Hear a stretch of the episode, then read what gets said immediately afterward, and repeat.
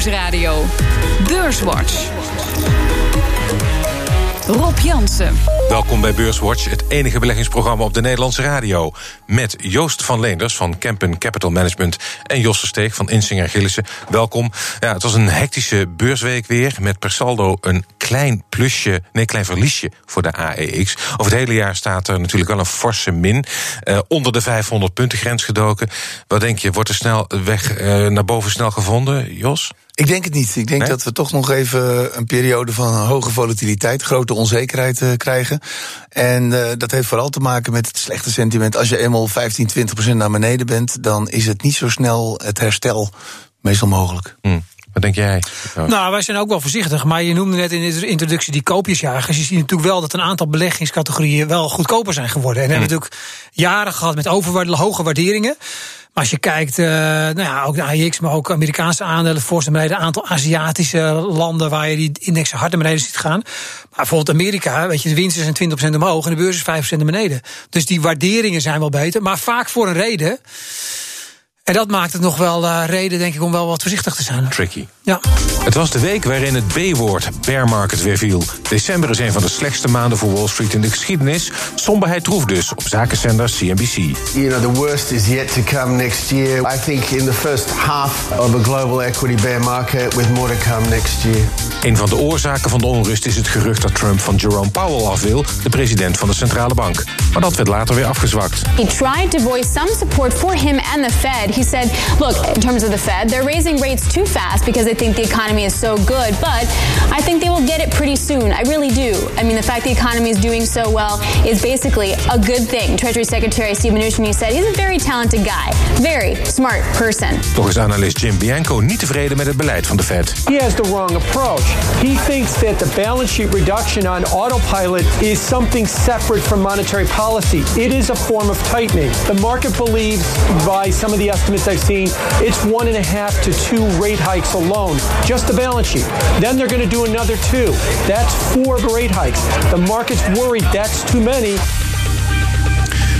We kijken in deze laatste uitzending van Beurswatch in 2008 terug en vooruit. Twee belangrijke rode draden het afgelopen jaar waren de brexit in Europa en de handelsoorlog, of misschien moet ik zeggen Trump, de aanstichter van het handelsconflict met China. Um, op zijn vroegst is er in dat conflict, uh, las ik deze weken, uh, een doorbraak te verwachten in maart.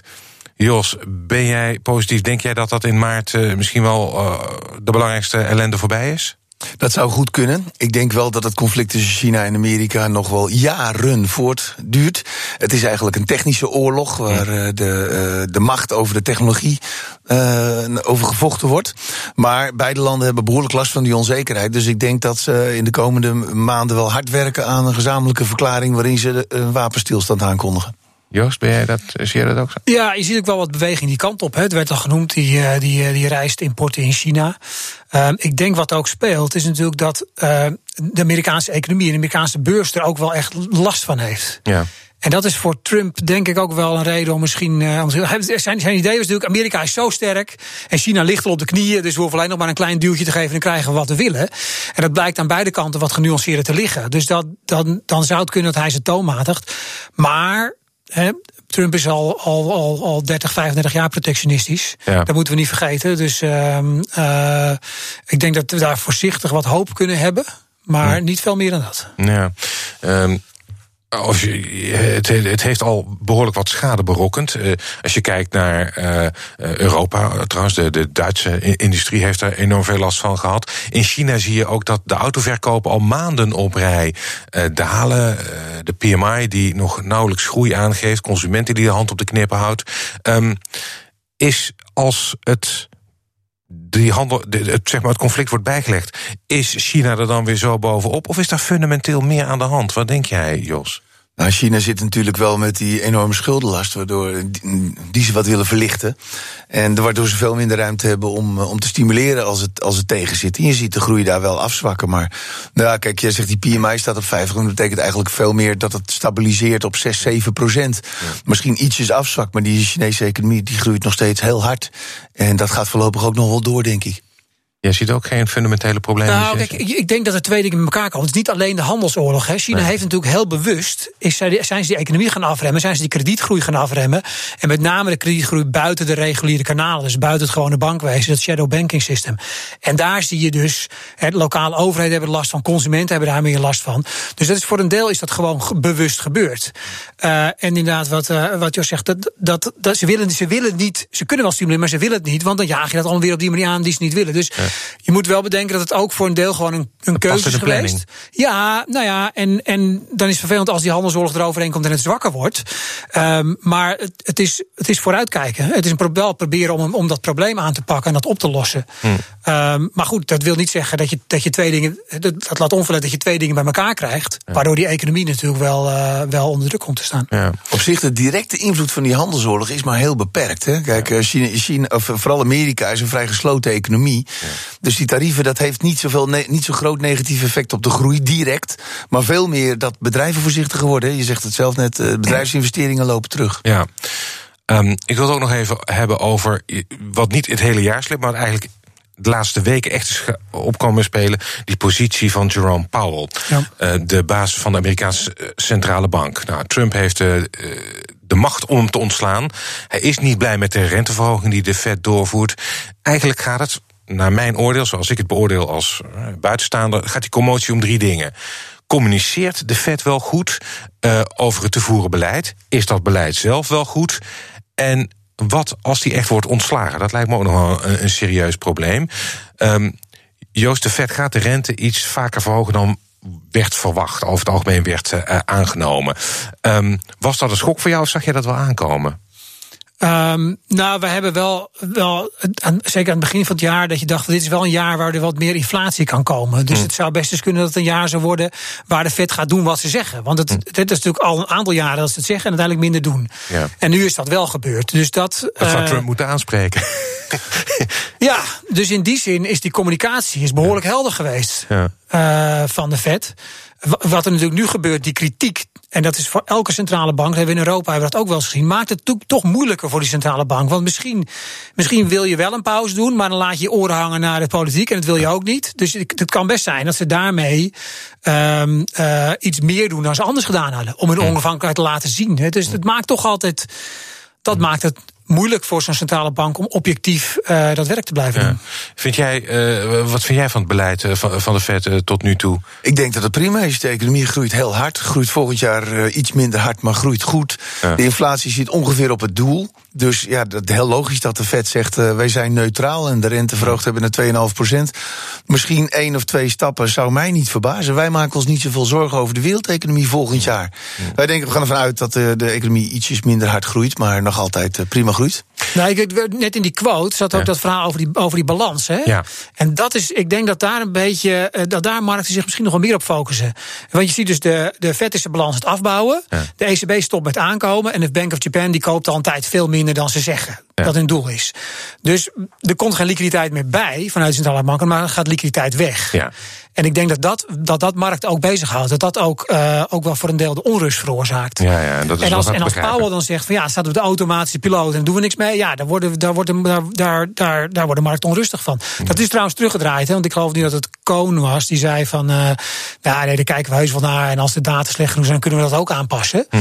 Eh, maar ik denk dat daar misschien nog wel meer het punt zit. Maar Trump kan trouwens eh, eh, Jerome Powell niet ontslaan. Hè? Alleen maar als er echt een, een hele specifieke reden is, dan moet hij, dan moet hij echt een, eh, een, iets, iets echt verkeer, aantoonbaar verkeer, Het is een soort verkeerds doen. ambtsmisbedrijf Ja, zo. precies. Hij kan hem niet zomaar omslaan omdat het, omdat het hem niet bevalt. Niet Ja. omdat de president zegt het is verkeerd dat je de rente Ja, precies. Ja, nee, nee, dat, is- dat gelukkig niet. Nee. Nee, Nee. nou, dat, eh, dat, dat- in dat licht bezien is het eigenlijk raar dat de markt.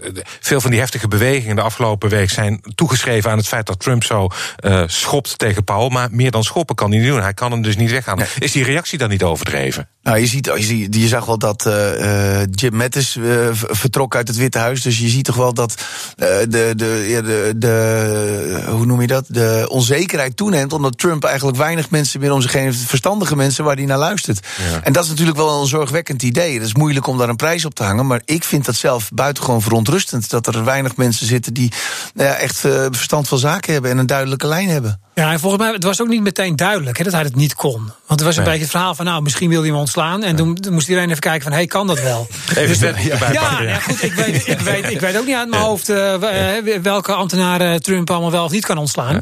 Dus, maar dan is zo'n reactie, is, is er dan al. Ja, hij maakt rare bokkensprongen, want hij wil nu om Chinese importen uh, uh, van technologie uh, te blokkeren, wil hij ook een noodtoestand, misschien overweegt hij een noodtoestand, economisch noodtoestand. Dus ja, maar dat was met die staalprijzen ja, was het ook al uit, uit, uit, nationale veiligheid, hè, dat hij die invoerheffingen. Dus natuurlijk het, dat is natuurlijk een soort opportunisme gebruiken wat je hebt voor je doel. ja. We gaan het zien. Zometeen dan praten we verder over beurs en economie. En met name over welke kansen 2019 biedt. BNR Nieuwsradio. BNR Beurswatch.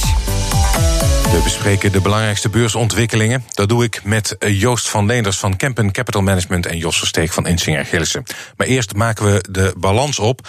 Niet van het van de, de afgelopen week, maar van het afgelopen jaar. De AEX die sloot vandaag net uh, onder de, uh, iets boven de 484 punten. Dat is ruim 11% lager dan vorig jaar. Stijgers. De drie grootste stijgers in de AEX afgelopen jaar. Op 1 Ahold met een plus van 20,3 procent. Op 2 Wolters Kluwer met een plus van 17,9 procent. En Vopak op 3 met een plus van 7,5 procent. En het midcap aandeel dat het best presteerde dit jaar... was Flow Traders met een plus van 38 procent. Dalers. Dalers. De drie grootste dalers in de AEX over het afgelopen jaar. ING op nummer 1 met maar liefst 38,9 procent verlies. Op 2 Unibar Rodamco, vastgoedfonds, verloor 36,5 procent. En op 3 ArcelorMittal met een min van 33,7 eh, procent. En in de midcap was de grootste daler dit jaar PostNL met een min van bijna 53 procent. Maandag is er nog een halve handelsdag, maar ik ga ervan uit dat die rangorde niet zo heel veel zal veranderen. ING, de grootste daler in de AEX. Misschien wel een mooie aanleiding om even uh, het te hebben over de banken. Uh, een verlies van uh, 39% is fors. Maar in heel Europa las ik deze week in de Financial Times... die bankenindex in Europa die staat een kwart procent lager. Dat is ook in lijn met ABN AMRO. Verloor ook een kwart van zijn waarde. Ja, 25% lager. Ja, 25... Hij zei een kwart procent. Ik dacht eh, sorry, nee, nee, nee, nee, ik had het idee dat het iets meer was. Nee. Nee, nee, ik vergis me even, een flinke factor. Nee, inderdaad, een kwart van de waarde is... Ja. Uh, het ging over 380 miljard uh, euro, als ik het wel heb. Joost, heb je daar een verklaring voor? Want bijvoorbeeld ING en ABN AMRO... Dan heeft ING wat uh, problemen achter de rug. Ja. Maar uh, operationeel gaat het volgens mij goed met de bank. Ze maken winst. Klanten ja. zijn niet weggelopen. 40% eraf. Ja, ik denk dat het wel te maken heeft met de, met, de, met de vlakke rentecurve. Wat, wat het natuurlijk toch wel een beetje moeilijk maakt. Het heeft uh, te maken met uh, uh, ja, hoge kosten die wel op de banken afkomen. De onzekerheid rond brexit en kosten die daarmee samenhangen. Italië en, en, en, en, en, en de staatsobligaties daar zitten. Kijk, er speelt, ik denk dat er ook meespeelt dat het beïnvloedt elkaar. Hè? Dus ja. misschien dat het voor de ene bank te veel is, maar voor de hele sector zijn al dat soort dingen stapelen zich op. Mm -hmm. Dus, maar het, dat heeft me wel verbaasd hoor. Ik had ja. als het begin van het jaar, dat is wel een van de dingen die, wel, die echt wel verrast heeft. Hoe hard die banken zijn onderuit zijn gegaan. Ja. Is het jou ook verbaasd? Ja, absoluut. Ik uh, vind het echt sterk overdreven. Maar ja, precies wat Joost zegt, dat zit de banken ook totaal niet mee. Hun winstgevendheid is relatief laag. En vervolgens krijgen ze nog alle regelgeving over zich heen. Dus ja, uh, ja dat, dat, dat, dat, daar leiden ze onder. Maar, maar als bijvoorbeeld ING, uh, wat maken ze winst? 2 miljard? dat is in ieder geval een enorm bedrag. Ja. Rel laag relatief ten opzichte van wat is het laag? Nou, de marge is, de, de, de rentemarge is heel erg laag. Ja, Die zou normaal veel, veel, veel beter moeten zijn. En uh, dat maakt de winstgevendheid van het, uh, ja, het leenbedrijf heel, heel moeilijk. Nou, Klaas Knot zal er blij mee zijn, want die uh, liet zich in een interview ontvallen in NRC uh, vandaag dat hij uh, vindt dat banken hun klanten, hun beleggers, hun aandeelhouders minder rendement moeten beloven, dat ze zich meer moeten richten op risicobeheer. Ja, dat snap ik wel dat hij dat zegt, want ja, die moeten stevige balans hebben. Die banken die willen eigenlijk ja, toch, toch wat meer vreemd vermogen hebben. Maar ja, kijk, als je naar het dividendrendement van, van ING kijkt, is ja. ontzettend aantrekkelijk en dat kunnen ze ook gewoon uitkeren. Ze hebben ook een progressief dividendbeleid beloofd, dus elk jaar een beetje hoger. Mm. Door die boete wordt het dit jaar misschien maar een 1 cent hoger. Mm. Maar ik denk dat er toch wel wat groeimogelijkheden is uh, voor, voor ING-dividend. Mm. Een enorme uh, dreun ook voor PostNL. Um, meer dan 50% eraf. Is dat een aandeel wat we gewoon moeten vergeten? Is ja, dat, ik eh, ben het vergeten. Ik, ja. heb, ik kijk er zelf niet meer naar. Ik, eh, ik denk dat het hopeloos is, Ah. eh, die ellende met die post. Dan gaan we gewoon door naar ehm, niet. Eh, we kijken nu eens een keer naar, naar de particulier. Beleggersbank Bink, die publiceert elk jaar eh, peilen die onder hun klanten wat zij denken van het komend jaar. En dat hebben ze dus ook voor 2019 eh, gedaan. En ik ben heel benieuwd wat jullie vinden van de keuzes van die particuliere beleggers. ASML bijvoorbeeld, dat, wordt, in, dat is voor hen in de AEX favoriet. Dat heeft dit jaar eh, 6% verloren tot nu toe, maar wordt voor 2019 de beste belegging. Jos, Ja, ik vind het altijd heel lastig om één naam te noemen. Maar eh, als je er dan één moet noemen, Nou. dan zou ik ASML noemen, inderdaad. Want ik ben wel erg enthousiast over, over dat bedrijf. En kijk, die semiconductorsector is een heel vroeg cyclische sector. En als het ergens, ergens zorgen zijn over de economie, dan zie je dat de semiconductorproducenten onderuit gaan. En dan helemaal al de lever- toeleveranciers van die semiconductorproducenten. En je zag ook dat die vroeg in het jaar al eh, last kregen. En ja, eh, ik denk dat de, de tegenslagen al grotendeels in de koersen verwerkt zijn. Er Ergens in de loop van volgend jaar gaan die heel sterk herstellen. En die hele sector kan flink eh, goed gaan doen volgend jaar. Jos, wat denk jij van die technologie sector? Eh, ja, daar ben ik op zich wel mee eens. Het is wel, dus ik zeg, als het echt een heel cyclisch eh, verhaal is, en dan moet die economie wel stabiliseren en, wat, en liefst wat gaan herstellen. Hè. En dat, eh, daar zien we nog niet heel veel tekenen van. Maar op zich, ASML is denk ik inderdaad een heel sol- solide en, en, eh, en goed bedrijf wat dat betreft. Ehm, eh, maar dat zeg ik, eh, je, moet, wel de cyclus een beetje mee gaan krijgen natuurlijk. Ja, Ze hebben in november een analistendag gehouden. Ik ben daar geweest. En het was opmerkelijk hoe positief ze daar waren. Zij zitten natuurlijk met het grote succes van die EUV-machines. Waar er de komende jaren heel veel van verkocht gaan worden. Waar een grote vraag naar is. Dat is een beetje een technisch verhaal. Maar je zult door de technologie, de veranderende technologie van het chips maken. worden er meer lithografiemachines gebruikt. En eh, dat speelt ze enorm in de kaart. En ze hebben ook een doel gegeven voor om twee, tot 2025 van een omzetgroei. Met een ja, hoge marge, dat wel, van 3 tot, tot 13 procent. eh, Ja. compound average growth rate. Ja. Ehm, wat mij ook eh, opvalt, als je kijkt naar die cijfers op plek 2, is ING, waar we het net over hebben gehad. Banken hebben het moeilijk, koers enorm gedaald. Blijkbaar vinden particulieren eh, zien dat mm, ja, als een instapmoment. Nou ja, ja, als er zo van de koers af is, is het niet gek dat een. Dit is natuurlijk, het is natuurlijk een groot bekend bedrijf. Ja. En dat speelt natuurlijk ook. Ik bedoel, eh, Dus eh, onze en als er dan nationale zo- trots. Nou ja, en als er dan zoveel van de koers af is, dan, dan komt hij op een gegeven moment alleen daarom wel een keer bovendrijven, denk ik. Ja, ik maar we hadden het er net, maar we ja, hadden het net over. We hadden het net over die problemen van die lage rentes. Die zijn niet weg volgend jaar. Want ik, ik, zie, ik, zie die, ik zie in ieder geval de, de beleidsrente, die gaat, die gaat, nou ja. Als je heel optimistisch bent, een beetje aan het einde van het jaar misschien eens een beetje omhoog. Maar niet zoveel. En, eh, en die regelgeving die blijft er ook wel. Dus Het, ja, het is wel een ander verhaal dan ik eh, anderhalf, ja, ik denk ongeveer anderhalf jaar geleden was de verwachting onder eh, eh, collega's van jullie. Nou, die rente die moet toch wel een keer omhoog gaan. Ja. dat eh, dus is het een goed moment om eh, in financials te stappen, in banken. En dat is niet gebeurd. Het Nee. duurt dus heel lang. Nee, en, je ziet, en, en de reden is ook omdat die rente natuurlijk absurd laag is. Hè. Ik bedoel, De Duitse rente van 22 basispunten bij een economie die gewoon eh 4% nominaal groeit. Is natuurlijk absurd laag. Ehm, maar, dus dat zei ik ook net, de grote verrassing voor mij was wel die hele die financiële waarde hè, het afgelopen jaar. Maar als je nu kijkt, vorig jaar zaten we met een economie die 2017 supersterk en eh, groei. En daar komt, er moet ergens krapte ontstaan, er moet inflatie ontstaan. Dat is niet gekomen. En je ziet nu die economie een beetje kantelen. Ja. Dus dan heb je wel een iets ander beeld natuurlijk. Dus ehm, eh, je, je, je mag, we hadden een beetje gehoopt dat het binnenland sterk genoeg zou zijn in Europa om het op te vangen. Ja. In ieder geval in het derde kwartaal is het wel een beetje tegengevallen. Ja. Ik denk dus wel belangrijk, ik denk met ING, er is in- precies wat Joost zegt, aan van de rentekant hoef je het niet te verwachten, een trigger. Maar ik denk, als die reorganisatie in België, die is inmiddels afgerond. Ik verslik me zo. Van emotie. Maar dan, dan zul je waarschijnlijk zien dat die resultaten aanzienlijk kunnen verbeteren. Omdat ze in, eh, in België klaar zijn met reorganiseren. En daar de, ja, de marges gewoon, de, de winstgevendheid flink kan verbeteren. Dat kan wel eens een trigger zijn. kan een meevaller zijn in de kwartaalcijfers. Ik ik ga meteen even kort door naar buitenlandse aandelen, want daar zijn ze ook naar gevraagd. En dan zie je dat hun toppers Amazon, Microsoft en Apple zijn. Daar zijn Amazon en eh, Microsoft eh, respectievelijk 27 en 18% gestegen. Apple een verliesje year to date eh, van eh 7% Ehm, zijn dat aandelen eh, die jij ook interessant vindt, Joost? Ja, nou, ik, ik, ik ben niet zo van de, van de individuele aandelen natuurlijk. Nee, maar, maar als goed- maar goed, maar als je de kijkt, de IT-sector, sector, de ja. afgelopen drie maanden is er gewoon 20% vanaf. En dat Ja. zijn winstgevende bedrijven die een hoop cash, cash genereren. Hm. Dus dat is gewoon wat, wat, daar, wat daar speelt. Hm. Dus eh, denk ik, waar, waar mensen dan op rekenen. Dat het Ja. op die reden wel terugkomt. Ja, begrijp jij de keuze ook wel van de particulier? Ja, zeker. Eh, Microsoft en Amazon profiteren enorm van de zeer sterke groei naar cloud computing. Daar profiteert ASML ook van. Ja. En eh, ja, Apple is eigenlijk heel erg laag gewaardeerd. Het is eigenlijk meer een luxegoederenbedrijf. Hè. Als je Ja. Hm. dan kijkt naar bijvoorbeeld een waardering van LVMH, die heeft een KW die hier twee keer zo hoog is als van Apple. Ja. Apple, ja, de, de, de groei van die smartphones is er een beetje af. Dus er zit niet heel veel groei in. Maar ze hebben, en ze hebben flinke prijsverhogingen doorgevoerd. Maar vooral de services kunnen op langere termijn nog flink groeien. Dus ja, ik denk dat Apple ook een hele mooie keuze is op dit moment. zijn we bijna aan het einde van de uitzending. En dat betekent dat we nu alweer zijn eh, aangekomen bij de tip. De laatste tip van het jaar. Met dus eh, ja, potentie, groeipotentie voor 2019. Jos.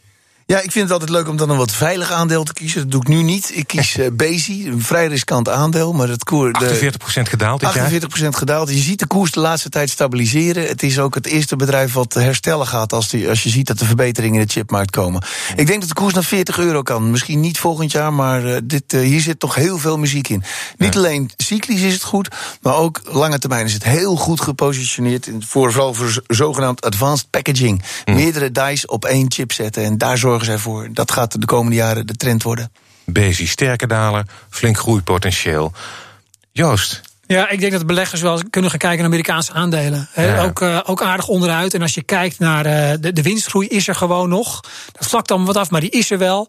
Maar als je kijkt, zeker relatief, uh, de, de, de herzieningen van die winsten, dat ziet er in Amerika een stuk sterker uit dan in andere regio's. Ja, sowieso. De, de, de S&P 500 is volgens mij structureel winstgevender dan de meeste Europese indices. Ja, maar dat heeft vaak dat heeft ook met de sectoren te maken. Hè? Mm. Dat die, uh, de IT-sector die, ja. die is gewoon, uh, gewoon flink winstgevend en die is daar een stuk groter. Dus dat is vaak dat soort verschillen zijn vaak meer een sector dan een landen, landenspecifieke zaak. Ja. En je moet dan uh, ook rekening houden met de ontwikkeling van de dollar, want je belegt dan in dollars. Ja, dat klopt. Ja. Dus dat is, uh, moet je, daar moet je dan ook daar moet je orde... tegen kunnen. Ja, daar moet je ja. tegen Ja. Oké. Okay. Um, hartelijk dank. Joost van Leenders van Kempen Capital Management en Josse Steeg van Insinger Gillissen. Dit was de laatste beurswatch van 2018. Volgende week 2019 zijn we er natuurlijk weer met een nieuwe beurswatch. Als u wilt reageren, dan kunt u een mail sturen naar beurswatch.bnr.nl of tweeten naar Rob Beurs. Terugluisteren kan natuurlijk ook via de site, de app, iTunes of Spotify. En graag tot volgende week.